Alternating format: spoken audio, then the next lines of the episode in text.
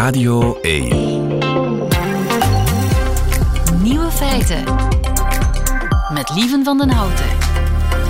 Dag en welkom bij de podcast van Nieuwe Feiten, geïnspireerd op de uitzending van 5 december 2022. In het nieuws vandaag dat Opel meer dan 16.000 elektrische wagens moet terugroepen omdat hun uitstoot niet gemeten kan worden. Ja, het gaat om de Opel Corsa i. Opels kleinste elektrische model. Iedere auto in Europa moet namelijk te allen tijden een testbankmeting kunnen afleggen om te checken of hij aan de normen voldoet. Zelfs als die auto elektrisch is en dus per definitie nul uitstoot. Maar door een softwareprobleem is het volgens de woordvoerder van Opel met de Corsa i onmogelijk om zo'n meting te doen. En dus moeten 16.605 auto's terug naar de garage voor een software-update die gelukkig maar drie kwartier duurt en gratis is. De andere nieuwe feiten vandaag. Vanaf donderdag op Netflix de zesdelige documentaire over Harry en Meghan.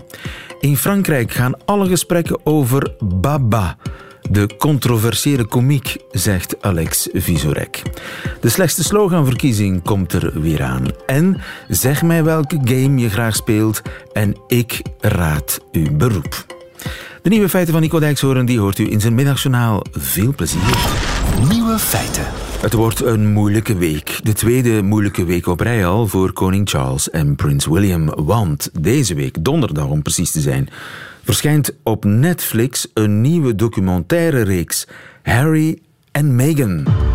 No one sees what's happening behind the closed doors. I had to do everything I could to protect my family. When the stakes are this high, doesn't it make more sense to hear our story from us? Ja, we moeten ons verhaal zelf vertellen, zegt Meghan. En daarvoor zei prins Harry dat hij er alles aan wou doen om zijn eh, familie te redden. En dat niemand ziet wat er gebeurt achter gesloten deuren. Jo de Poorter, goedemiddag. Goedemiddag. Onze Koningshuiskenner.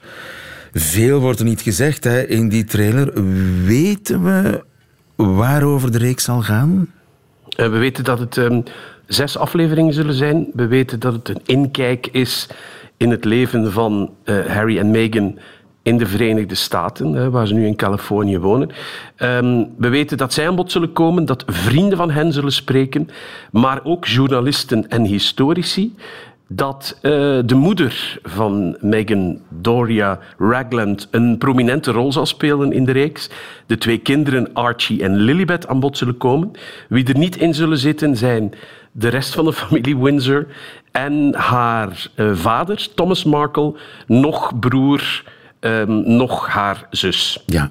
Niemand weet wat er achter gesloten ge uh, deuren gebeurt. Uh, ja, tot vandaag dan, of tot na de documentaire. Gaan ze grote dingen, nieuwe dingen onthullen, denk je? Wel, um, zes afleveringen. Netflix heeft daar om en bij de 100 miljoen dollar uh, voor betaald. Uh, ze mogen wel iets leveren voor dat bedrag. Dus ik denk dat de programmamakers en Netflix er ook op zullen gestaan hebben dat er iets nieuw en iets anders en iets heftig en iets uh, substantieel in die documentaire zit. Dus uh, een heel lange aanloop om te zeggen, ja, daar zal wel iets in zitten. Plus het feit dat er nog een heel zware emotie is naar de Britse koninklijke familie, die al hier en daar eens de kop opgestoken heeft, maar nog niet in een vorm zoals deze. En je weet ook waarschijnlijk dat uh, volgende maand, januari, 10 januari om precies te zijn, verschijnt ook nog een boek van 400 bladzijden, wat ongeveer over hetzelfde gaat. Uh, deze serie laat hun leven zien. Het boek moet over het hele leven van Harry gaan en hoe het allemaal zo gelopen is. Ja. Zijn ze bang in Buckingham Palace? dat, is, dat is heel geestig. Er is een officiële mededeling gelanceerd dat ze niet ongerust zijn. Ik vertaal dat even. Wij zijn niet bang. Ja. ja. ze zijn zeer ongerust, want anders doen ze niet dat soort meningen. En de omgeving van de koning heeft nu al gezegd dat de koning in de eerste plaats, en dat is wel uh, mooi, dat de koning zijn zoon, zijn jongste zoon Harry, niet in de steek zal laten. Er zal zijn voor hem, uh, ondanks die documentaire. Maar het enige riskante geval is als Harry en Meghan lelijke dingen of beschuldigende dingen of kritische dingen over de koningin Gemalin eh, naar buiten brengen, dan gaat de deur uh, voorgoed dicht. Ah. Ja, dat als, is een heel als er op gevoelige plek. Camilla geschoten wordt, dan is het gedaan. Camilla is een no-go in deze situatie. Eh, Charles kan heel veel hebben. William en Catherine hebben al heel veel gehad de laatste dagen. Maar eh, Camilla is blijkbaar een heel tere plek. En er is nu al uit de omgeving aangekondigd dat raak je aan Camilla, dan gaat alles kapot en alles dicht. En er is al heel veel dicht op dit moment en er is al heel veel kapot. Maar dat zou dan de finale, de finale nekslag wel eens kunnen zijn. Ja. Destijds het interview met Oprah Winfrey, eh, waar Harry en Meghan al een voorproefje hebben gegeven van ja, de, de bommen die ze op het paleis zullen en kunnen gooien. Ging het op een gegeven moment over racisme Ja. in de koninklijke familie? Nu, daar hebben we vorige week toch weer een staaltje van gezien. Hè? Met die, wie was het ook alweer? Lady Susan Su- Hussey. Susan wie, wie, wie, wie was die? Of is die Susan Hussey eigenlijk? Uh, Susan Hussey is eigenlijk, om kort te zijn, de beste vriend, was de beste vriendin van de Queen. Uh, was uh, een van haar belangrijkste hofdames. Is peetmoeder van William. Dus is eigenlijk, hoort bijna tot de koninklijke familie. En heeft zich daar ja, toch wel gruwelijk gedragen, schuine streep, gesproken, versproken.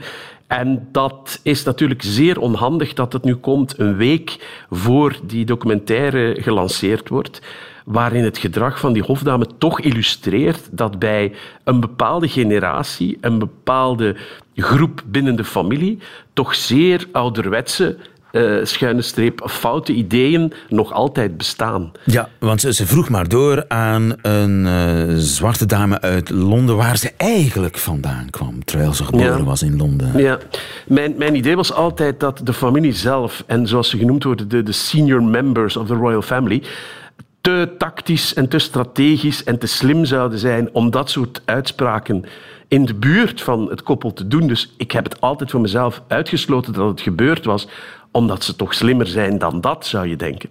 Maar het incident van vorige week doet vermoeden dat daar toch wel blinde vlekken zijn of, of um, ouderwetse ideeën of standpunten die nog niet helemaal opgeschoond zijn en dat daar inderdaad nog een heel donkere wolk boven die generatie en boven die familie hangt. Ja. En ik denk dat dat wel iets, uh, kan zijn, zal zijn, wat aanstaande donderdag in Harry en Meghan aan bod zal komen. Ja, nu, Lady Susan Hussey is 83, was zich absoluut van geen kwaad bewust. Hè?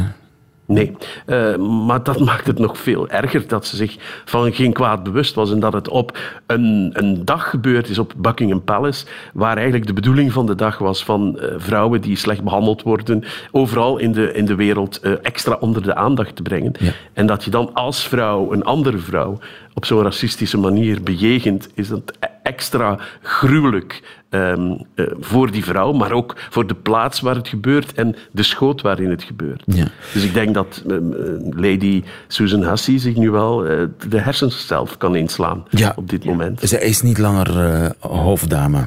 Wel, het is iemand die altijd uh, de, de, het hofzeer geneet is. Ook iemand die, um, ironisch genoeg, ooit aangesteld is om Meghan te helpen uh, in te werken in de koninklijke familie en zich de koninklijke gebruiken uh, eigen te maken. Dat is niet gelukt. En ik denk dat met wat vorige week gebeurd is, dat we misschien wel beter kunnen begrijpen waarom dat niet gelukt is. Ja. Maar het is voor die vrouw los van wat ze gedaan heeft, heel erg tragisch, omdat haar doelstelling, haar hele leven heeft ze gewijd aan het dienen van de, de, de koninklijke familie. En laat dat nu hetgene zijn waar ze het omgekeerde van bewezen heeft vorige week. En ik denk dat dat voor haar um, niet, uh, niet makkelijk is op haar 83ste. Ja, dus uh, crisis op het paleis.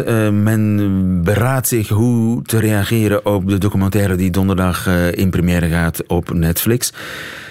Zou het ook kunnen dat die bom als een boemerang terugkeert bij Harry en Meghan? Wel, het is nu al zo dat er stemmen zijn binnen de Amerikaanse uh, pers die vinden dat ze eh, te ver gaan in het uitbuiten van het conflict. En er is eh, dit weekend een bevraging geweest bij 10.000 Britten. Ehm, en 97 procent, ik herhaal het nog even, 97 procent heeft zich uitgesproken voor het feit dat Harry en Meghan al hun titels, allemaal, zouden moeten teruggeven aan Buckingham Palace uit eigen beweging. Dus om maar te zeggen dat, zeker in het Verenigd Koninkrijk, de, sfeer zeer vijandig is, maar ook in de Verenigde Staten zie ik steeds meer uh, publieke uh, stemmen die opgaan uh, om hen toch een beetje in te perken in de schade die ze toebrengen aan het Hof en, en bij gevolg ook aan zichzelf. Ja, want kun je vanuit je villa met zwembad en bewaking, et cetera, et cetera, vanuit je luxe leventje, kun je dan het, het grote slachtoffer uithangen? Blijkt toch dat er, ehm, er is nieuwe informatie vandaag vrijgegeven. Dat blijkt dat in de laatste levensdagen en weken van Haar Majesteit de Queen, Harry, de, de, de koningin, heel vaak, dagelijks, verschillende malen per dag belaagd heeft om toch nog um, ja, vergoedingen, geld, uh, fondsen vrij te maken, omdat ze met wat ze nu hebben blijkbaar toch niet het leven kunnen leiden wat ze denken dat ze moeten leiden. En uh, de Queen heeft het dan doorgeschoven naar, naar Charles. Daar is dan blijkbaar nog een soort explosie gebeurd waar de koning gezegd heeft dat uh, hij niet als bank wil beschouwd worden en dat de verdere correspondentie maar via e-mail moet verlopen. Dus het is nog niet uh, pijs en vree tegen de kerstdagen aan. Jo de Porter, dankjewel. Goedemiddag. Goedemiddag. Nieuwe feiten. Coucou de France. Met Alex Visorek. Ah, eindelijk heb ik hem weer te pakken op maandag. Alex Visorek, onze man in Parijs. Goedemiddag, Alex. Goedemiddag, lieven. En de vraag is altijd, wat houdt Frankrijk bezig? Ja? Behalve het lachen met de eliminatie van de Rode Duivels. ja, okay. Ik had een slechte week. Ja. Wel, uh, allemaal iets anders. De jongste weken uh, was uh, iedereen geboeid door een opmerkelijke live tv-moment. Mm -hmm. Een fijn gesprek tussen een politicus en Frankrijks bekendste tv-presentator. Moi, je t'explique, moi, je ici, moi, je fais mon métier, je divertis les gens tous les soirs et je leur parle d'actualité. Tu fais pas ton métier. Tu Toi, t'es une merde. Toi, t'es une merde. Tu viens ici, tu fais le malin, t'es une merde. Tu fais du mal. On en parle Oké, dat is inderdaad... Ja, ambiance. Wat zei je? Uh, je bent een klootzak, zegt de ene. Je bent, ja. je, je, bent een gevaar voor Frankrijk, zegt de andere. Uh, ja, ja, dat is het. Samengesteld is dat zo. Uh, die twee zullen zeker niet samen op vakantie gaan. Nee. Hoe zijn we daar nu gekomen? Wel, laat me je eerst het verhaal vertellen van de presentator dat je hier hoorde. Of in andere woorden, hoe een provocerende comedian die pipi dronk op televisie, smakelijk, mm -hmm. of bloot verscheen op het schermpje, smakelijk. de, maar ja ook, machtigste mediafiguur van Frankrijk geworden is. En niet alleen maar in de media, maar ook in de politiek. Deze man is Cyril Hanouna, de presentator van de show Touche pas à mon poste.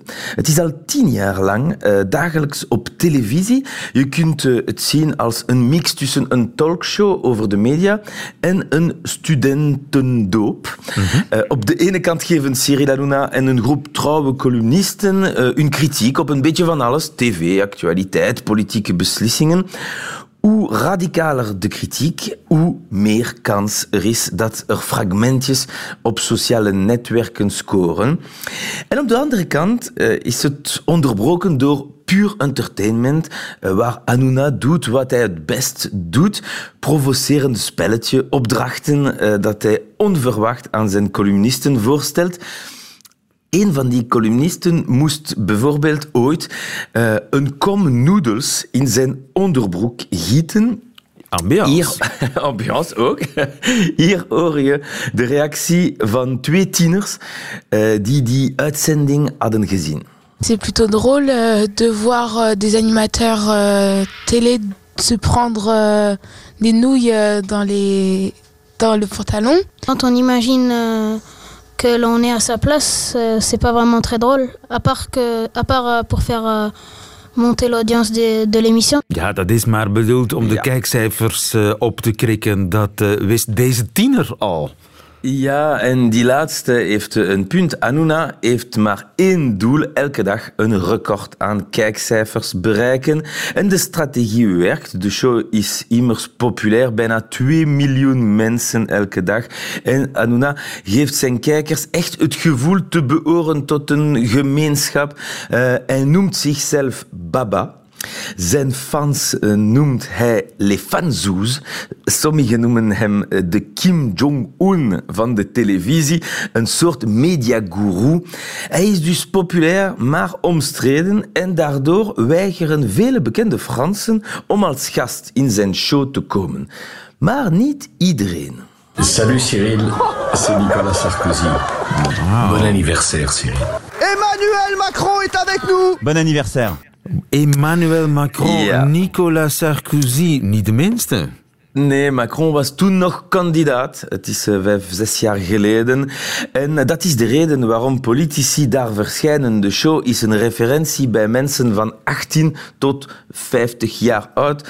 En Anuna oud van macht. Dus is hij heel blij om te tonen dat hij dicht bij de macht uh, zit. Tijdens de campagne voor de presidentsverkiezingen dit jaar werd ook gevreesd dat hij een beetje te dicht bij de macht zou willen zijn. Les proches du président redoutent un scénario à la Coluche, un candidat dégagiste, un profil, disent-ils, type Cyril Hanouna. Sérieux?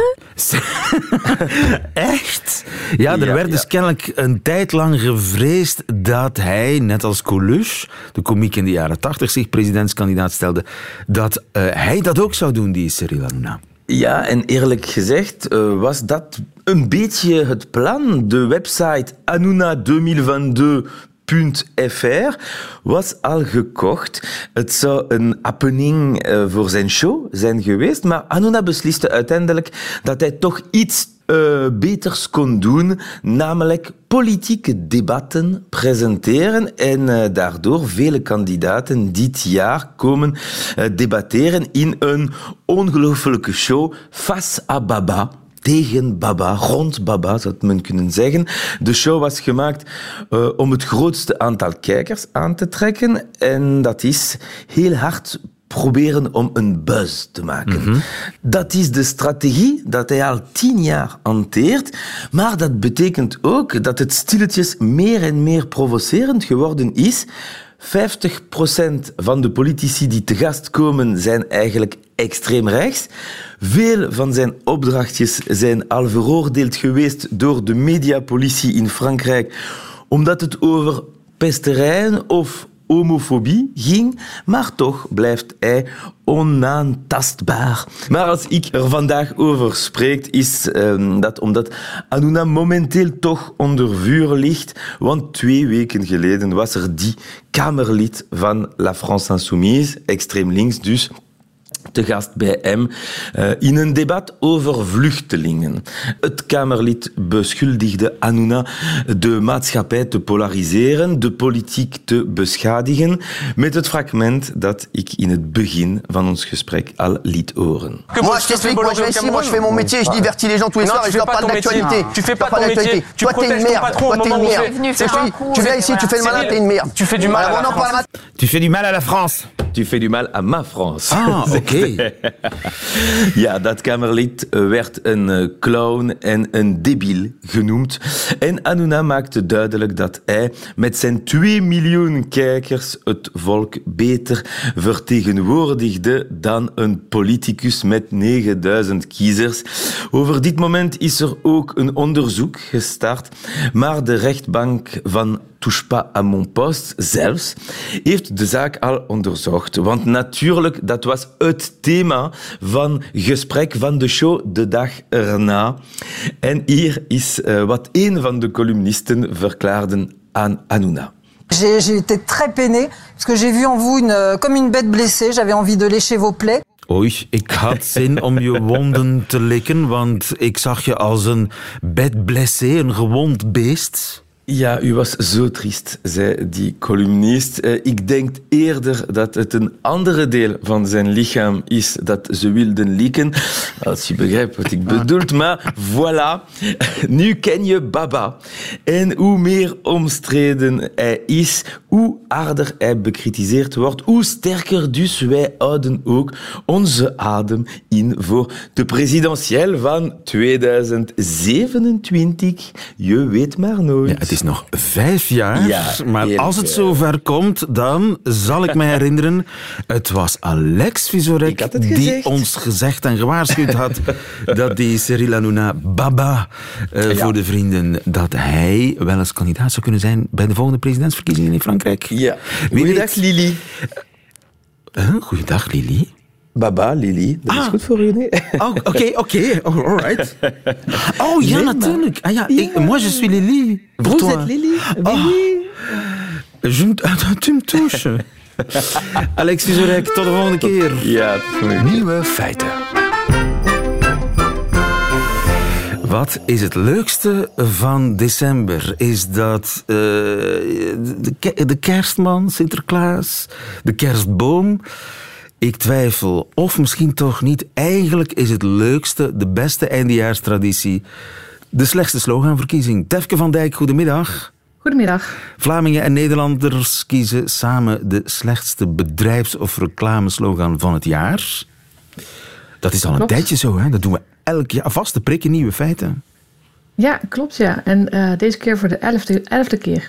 Voor de elfde keer. De genomineerden zijn bekend, hè? Ja. Onze jury heeft weer een eh, selectie gemaakt van tien slogans die mogen meedoen aan eh, de verkiezing. En eh, mensen kunnen nu stemmen. Kunnen vanaf nu stemmen. En wanneer kennen we de winnaar? Eh, komende vrijdag. Vrijdag al kennen we de winnaar. Wie was ook alweer de winnaar vorig jaar? Ja, dat was een vleesservice met mijn ballen wegen 130 gram. Mijn ballen wegen 130 gram. Dat was Benny van S. uit Nijmegen die eh, dat voor zijn gehaktballen bedacht had. Ja, ja. Heeft hij veel bekendheid meegekregen? Ja, dus het is wel een, een hele slechte slogan, maar tegelijkertijd een hele goede slogan. Hè? Want ja, het werkt. Ik moet ook zeggen, onze naam, het allitereert natuurlijk lekker, slechte slogans. Maar we twijfelen soms ook wel een beetje of het echt wel slecht is. We gebruiken graag aanhalingstekens, eh, omdat het ook vooral creatieve slogans zijn. En ja, of ze effectief zijn of niet, daar kun je natuurlijk ook met elkaar over hebben. Maar goed, dat is ook wat we het leuke vinden aan deze verkiezing. Om het er met elkaar over te hebben van wat we nou eh, wel of niet geslaagd vinden in taal. Oké, eh, hoeveel slogans staan er op de shortlist? Op de shortlist staan tien slogans. Oké, zullen we ze alle tien overlopen of is dat te lang? Nee, laten we, laten we ze alle tien maar overlopen. Nou, why not? Zeg maar. Ja. Nou, de eerste is eh, van Airfryer Frietjes. Ja. Eh, die hebben een reclame met daarop, daar staat op, ziet air fraai uit, hè? We hebben al een winnaar, denk ik. Ziet air fry uit, hè? Ja. Oké. Pra- Je ziet het vaker, combinatie van eh, Nederlands, Vlaams en, en Engels. Ja, Eh, prachtig. maar niet iedereen kan dat waarderen, het is een kwestie van smaak, hè? Ja. Ja. Oké, next. Ja, nummer twee is van Bruinstroop Natuursteen. Die doen in gedenkmonumenten, eh, natuurstenen, gedenkstenen. En die hebben op de gevel staan... met het hakken op de steen gaan de dagen vrolijk heen. Jeetje. Oké, kandidaat nummer drie. Van Cortina, een fietsenbedrijf. Eh, die hebben ook tegenwoordig e-bikes. Wordt electrific. Word electrific. Dat is bijna niet uit te spreken, hè? Nee, maar het lukt je toch in één keer. Ik vind het knap. En dan ja, de- is hij, is hij terrific of is hij terrible? Dat kun je natuurlijk nog afvragen dan. Hè? Inderdaad. Next. Eh, de Beren, dat is een eetcafé. Hop saté naar de Beren. Hopsaté in plaats van hopsake natuurlijk, naar de beren. Ja, ja. En ik denk dat de saté een eh, befaamd gerecht is. Ja, ook genomineerd is het Kruispunt. Wat is het Kruispunt? Het Kruispunt is een eh, centrum voor eh, fysiotherapie en eh, bekkenbodemtherapie. En die hebben als slogan: Maak van uw kruis geen punt, kom naar het kruispunt. Sorry. Oké. Ze hebben daar humor bij Ja. het eh, bekkenbodemspieren oefenen. Eh, misschien kan het... eh, ja, waarom niet? Waarom niet? Dan, Kanjer is ook genomineerd. Ja, van de stroopwafels. Kanjer stroopwafels. Ja, die, die hebben een nieuw werkwoord uitgevonden, denk ik. Want die hebben als slogan: Kan je ons maar weer lekker mee op pad? Kan je ons maar weer lekker mee op pad? Kan je? Wat zou dat werkwoord kunnen betekenen? Kan je bestaat dat? Ja, ik ken het niet. Ik, het doet me denken aan banjeren. Maar of dat nou de bedoeling is, dat weet ik Ja, niet. een beetje vergezocht, hè? Ja, ja. Oké, Miko-san. Wat is Miko-san? Eh, dat ja, is een soort ehm, geneesmiddel, geloof ik, voor, ehm, ja, voor voetschimmel. Kalknagels, zoiets. Eh, ze hebben in ieder geval een, eh, ehm, een mooie afbeelding erbij. Die zou je misschien moeten zien op sloganverkiezing.be. Maar daar staat bij: voetschimmel steek je middelteen op. En die middelteen, dat is iets dat moet je zien. Ja, ja, dat moet je zien. Dat, is een, een, een- dat werkt wat minder goed op de radio, maar die foto is in ieder geval geweldig van iemand die zijn middelteen opsteekt. Ja, ja, je wist niet dat het kon, maar Zijn er ook cafés, want die zijn, die zijn toch altijd goed vertegenwoordigd? Ja, die hebben heel vaak hebben ze op een krijtbord eh, ergens wel een grappige slogan staan. Ehm, maar in Amersfoort zit een café, Café Te Pas. Die heeft heel groot op de, ja, het glas, de, de gevel, een slogan staan. Wie te pas kent, zoekt niet. Wie zoekt, kent te pas niet. Ik begrijp er niets van. Nee, nou, het is denk ik filosofisch iets. Iets heel filosofisch. Ja. Oké, eh, en dan is er nog eh, Van Vis in Ja, een visspeciaalzaak. Een vis. En dan is er nog een visspeciaalzaak in Nuenen. Eh, wat hebben die bedacht? Er visser een jarig, hoera, hoera. Er vissen eenjarig, hoera, hoera. Dat was wel, dat moet gezegd, het was zeg maar voor hun eh, eenjarig bestaan. Er vis, er vis, er eenjarig. Nu Ja. dan, een laatste. Er zit geen enkel Vlaming bij dit jaar. Nee, nee, op de longlist stonden die wel. Maar eh, ze hebben helaas de shortlist niet gehaald dit jaar. Want de laatste komt uit IJsselstein, is Vendrig. Dat is een bedrijf voor werkkledij. Ja, voor werkkleding. En ehm, nou, die hebben ervoor gekozen om ook een nieuw woord te introduceren. Eh Vendrig werkt verfrissig. Vendrig werkt verfrissig. Daar is over vergaderd. Ja, ik denk het. En het is, dit is hem geworden. Wat, wat, wat moet hem zijn volgens jou? Heb jij een favoriet of een top drie? Eh, ehm, nou, niet, eh, niet direct, moet ik zeggen. Ik vind het wel leuk dat er toch ook weer heel veel verschillende aspecten... wat je ziet in slogans, dat die terugkomen in de shortlist van dit jaar. Dus de combinatie van Nederlandse woorden en eh, buitenlandse woorden, in dit geval Engels. De rijm zit er duidelijk in. De vondst van een nieuw woord. Ehm, dus dat, ja, dat, dat vind ik wel heel erg leuk om terug te zien. En ja, wat daarin dan het tussen aanhalingstekens slechtste is, dat laten we graag over aan onze kiezers. Ja, het zijn die goede bedoelingen hè, die, die zo aandoenlijk zijn. Ja, ja. De middenstandspoëzie, zoals een van onze juryleden het noemt. Wat is volgens u de beste middenstandspoëzie? U mag beslissen en dan kennen we de winnaar vrijdag, de winnaar van eh, de slechtste sloganverkiezingen van Vlaanderen en Nederland. Maar kennelijk hebben we in Vlaanderen niet genoeg ons best gedaan om een slechte slogan te bedenken. Tefke van Dijk, dankjewel. Goedemiddag. Ja, goedemiddag. Nieuwe feiten. Radio 1. Zeg mij welk spel u graag speelt en ik raad uw beroep. Rowan Daneels, goedemiddag. Hallo, goedemiddag. Je bent gamespecialist van de Universiteit van Antwerpen. Ik heb geen idee welk spel gamespecialisten graag spelen, maar in ieder geval collega's van u in Groot-Brittannië die hebben gekeken wie welke games speelt. Ze hebben gegevens van 16.000 klanten van een online gamewinkel bestudeerd. Wat blijkt daaruit? Dus eigenlijk dat ze voor een bepaald aantal beroepen ehm, gekeken hebben welke games dat ze net spelen. En bijvoorbeeld managers, wat spelen die? Dus managers eh, speelden vooral graag action roleplay games. Action roleplay games, wat zijn dat voor spelletjes? Dat zijn eigenlijk games waarbij dat je een eigen personage kan creëren en dan in een, een open wereld bepaalde verhaallijnen, bepaalde missies moet, uh, moet voltooien en eigenlijk je eigen personage moet ontwikkelen.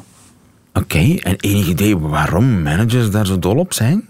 Ik vermoed dat dat uh, is omdat ze heel veel moeten plannen. Ze moeten net kiezen hoe dat ze hun personage willen ontwikkelen. Ze moeten heel veel um, organisatieskills tonen. Dus ze moeten hun eigen speelstijl ontwikkelen enzovoort. Dus er komen heel weinig instructies vanuit het game. En ze moeten eigenlijk zelf een beetje uh, invullen wat ze net willen doen. En, en, moeten ze dan mensen, delen ze de lakens uit op de een of andere manier in dat spel? Bijvoorbeeld, ja, als dat een online spel is, kunnen ze met anderen spelen. En dan kunnen ze ook bijvoorbeeld als een leider van een bepaalde groep uh, taken uitdelen aan, aan die groep natuurlijk. Ja. Ja, ja.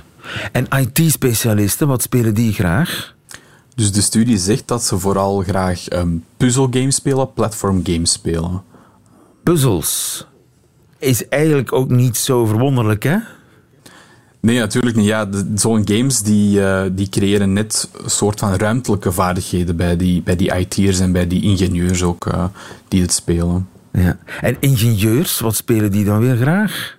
Dus die, die spelen ook graag die puzzelgames, maar de, de studie bevond ook dat, uh, dat ze graag strategiespellen spelen, strategiegames. Zoals bijvoorbeeld een, een Civilization, waarbij dat je een hele beschaving uh, zelf moet, uh, moet creëren en moet, moet managen ook een beetje. Ja.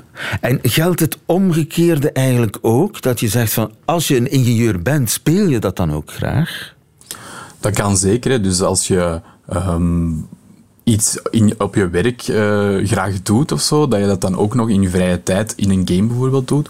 Maar er zijn ook andere situaties waarbij dat mensen na het werk net zoveel mogelijk willen afstand houden van hun werk en dus een totaal ander soort van spel spelen. En er zijn ook huisvrouwen die graag uh, strategische spelletjes spelen, neem ik aan. Tuurlijk.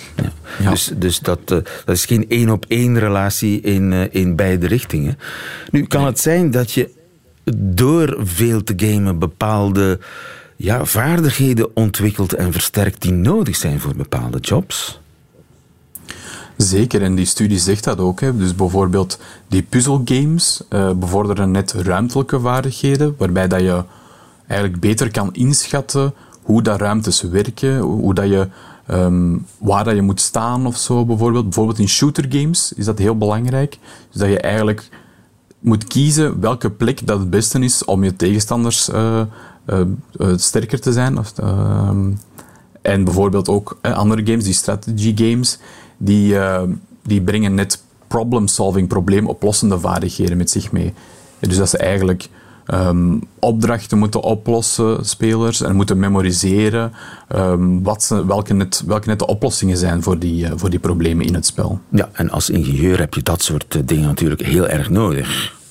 Ja, zeker. Zou je dat op je cv zetten?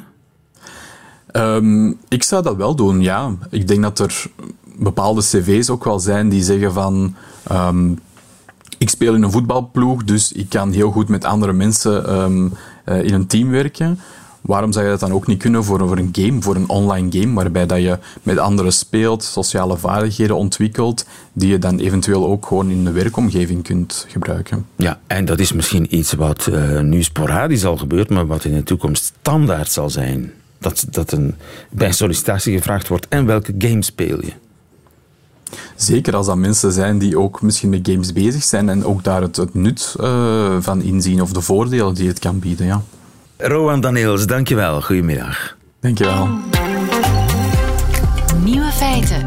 En dat waren ze, de nieuwe feiten van 5 december 2022. Alleen nog die van Nico Dijkshoorn, die krijgt u nu in zijn middagjournaal. Nieuwe feiten. Middagjournaal. Beste luisteraars. Ik zoek een windjack. Noemen ze dat nog zo? Of plaats ik mijzelf daarmee meteen diep in de vorige eeuw? Want zover is het wel gekomen, luisteraars, dat ik daarover begin te twijfelen. Wordt een windjack nog wel een windjack genoemd? Ik zei laatst, om het gewoon maar even bij kleding te houden, dat ik vroeger een nikkebokker droeg. En toen werd mij gevraagd om geen racistische taal uit te slaan. Maar goed, een windjack dus. Ik heb er wel een maar dat is meer een ludiek windjack. Felgeel met een capuchon die je heel strak onder je kin kunt knopen met een touwtje. En mijn doodsangst is dat het knoopje dan niet meer losgaat. En dat ik mensen op straat aan moet houden of ze het los kunnen maken. Wat natuurlijk extreem ongemakkelijk is, want je kent die mensen helemaal niet. En die hangen dan op tongzoenafstand voor je gezicht en ze kijken heel geconcentreerd naar het knoopje bovenop je aardappel. Dat vind ik op een of andere manier geen fijne situatie. Ik kocht het gele windjack ooit als een soort van postmodernistische grap. Hahaha, ha, ha, daar reed Nico op een moderne fiets en hij zag eruit als een Duitser tijdens een verregelde vakantie. En luisteraars, als ik geel zeg, dan bedoel ik ook geel. Ik heb het nooit geprobeerd natuurlijk, maar ik denk dat je mij vanaf de Engelse kust op een Nederlands strand in de ronde ziet scharrelen. Wat ik wil zeggen is dit. Wat er allemaal niet bij komt kijken. Het kopen van regenkleding. U hebt geen idee. Uit mijn jeugd herinner ik alleen maar één uniforme kleur regenjas voor alle 7 miljoen mannen in Nederland. Het was een grijze met knopen. Maar nu zijn regenjassen voorwerpen waar je 34 andere dingen mee kunt doen. Je krijgt er twee uitklapbare stokjes bij om een klein tentje ervan te kunnen maken. En er zit een beren- en wolvenverklikker ingebouwd in de kraag. Door aan een touwtje te trekken verandert hij van kleur. Sommige jassen kunnen korte, eenvoudige gesprekken met je voeren. En de jas die ik online zag, die is tot 5000 graden Celsius beschermd tegen oververhitting. Wat nu met die atoomdreiging toch een prettige gedachte is. Nu zit ik alleen met een probleem. Ik durf de naam van die jas niet uit te spreken in de winkel waar ik hem zo direct wil aanpassen en ga kopen. Hij heet de Chameleon Talk Buddy Rainkiller Fire Resistant Filibuster Royale Deluxe Coat. Luisteraars, is er nou echt niet iemand van u die heel even met mij mee wil?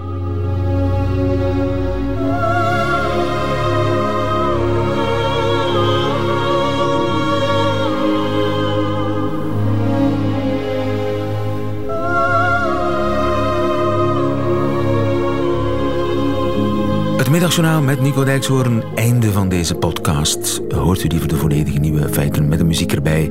Dat kan natuurlijk on demand via de Radio 1 app of website. Of gewoon lekker live elke werkdag tussen 12 en 1 op Radio 1. Tot de volgende.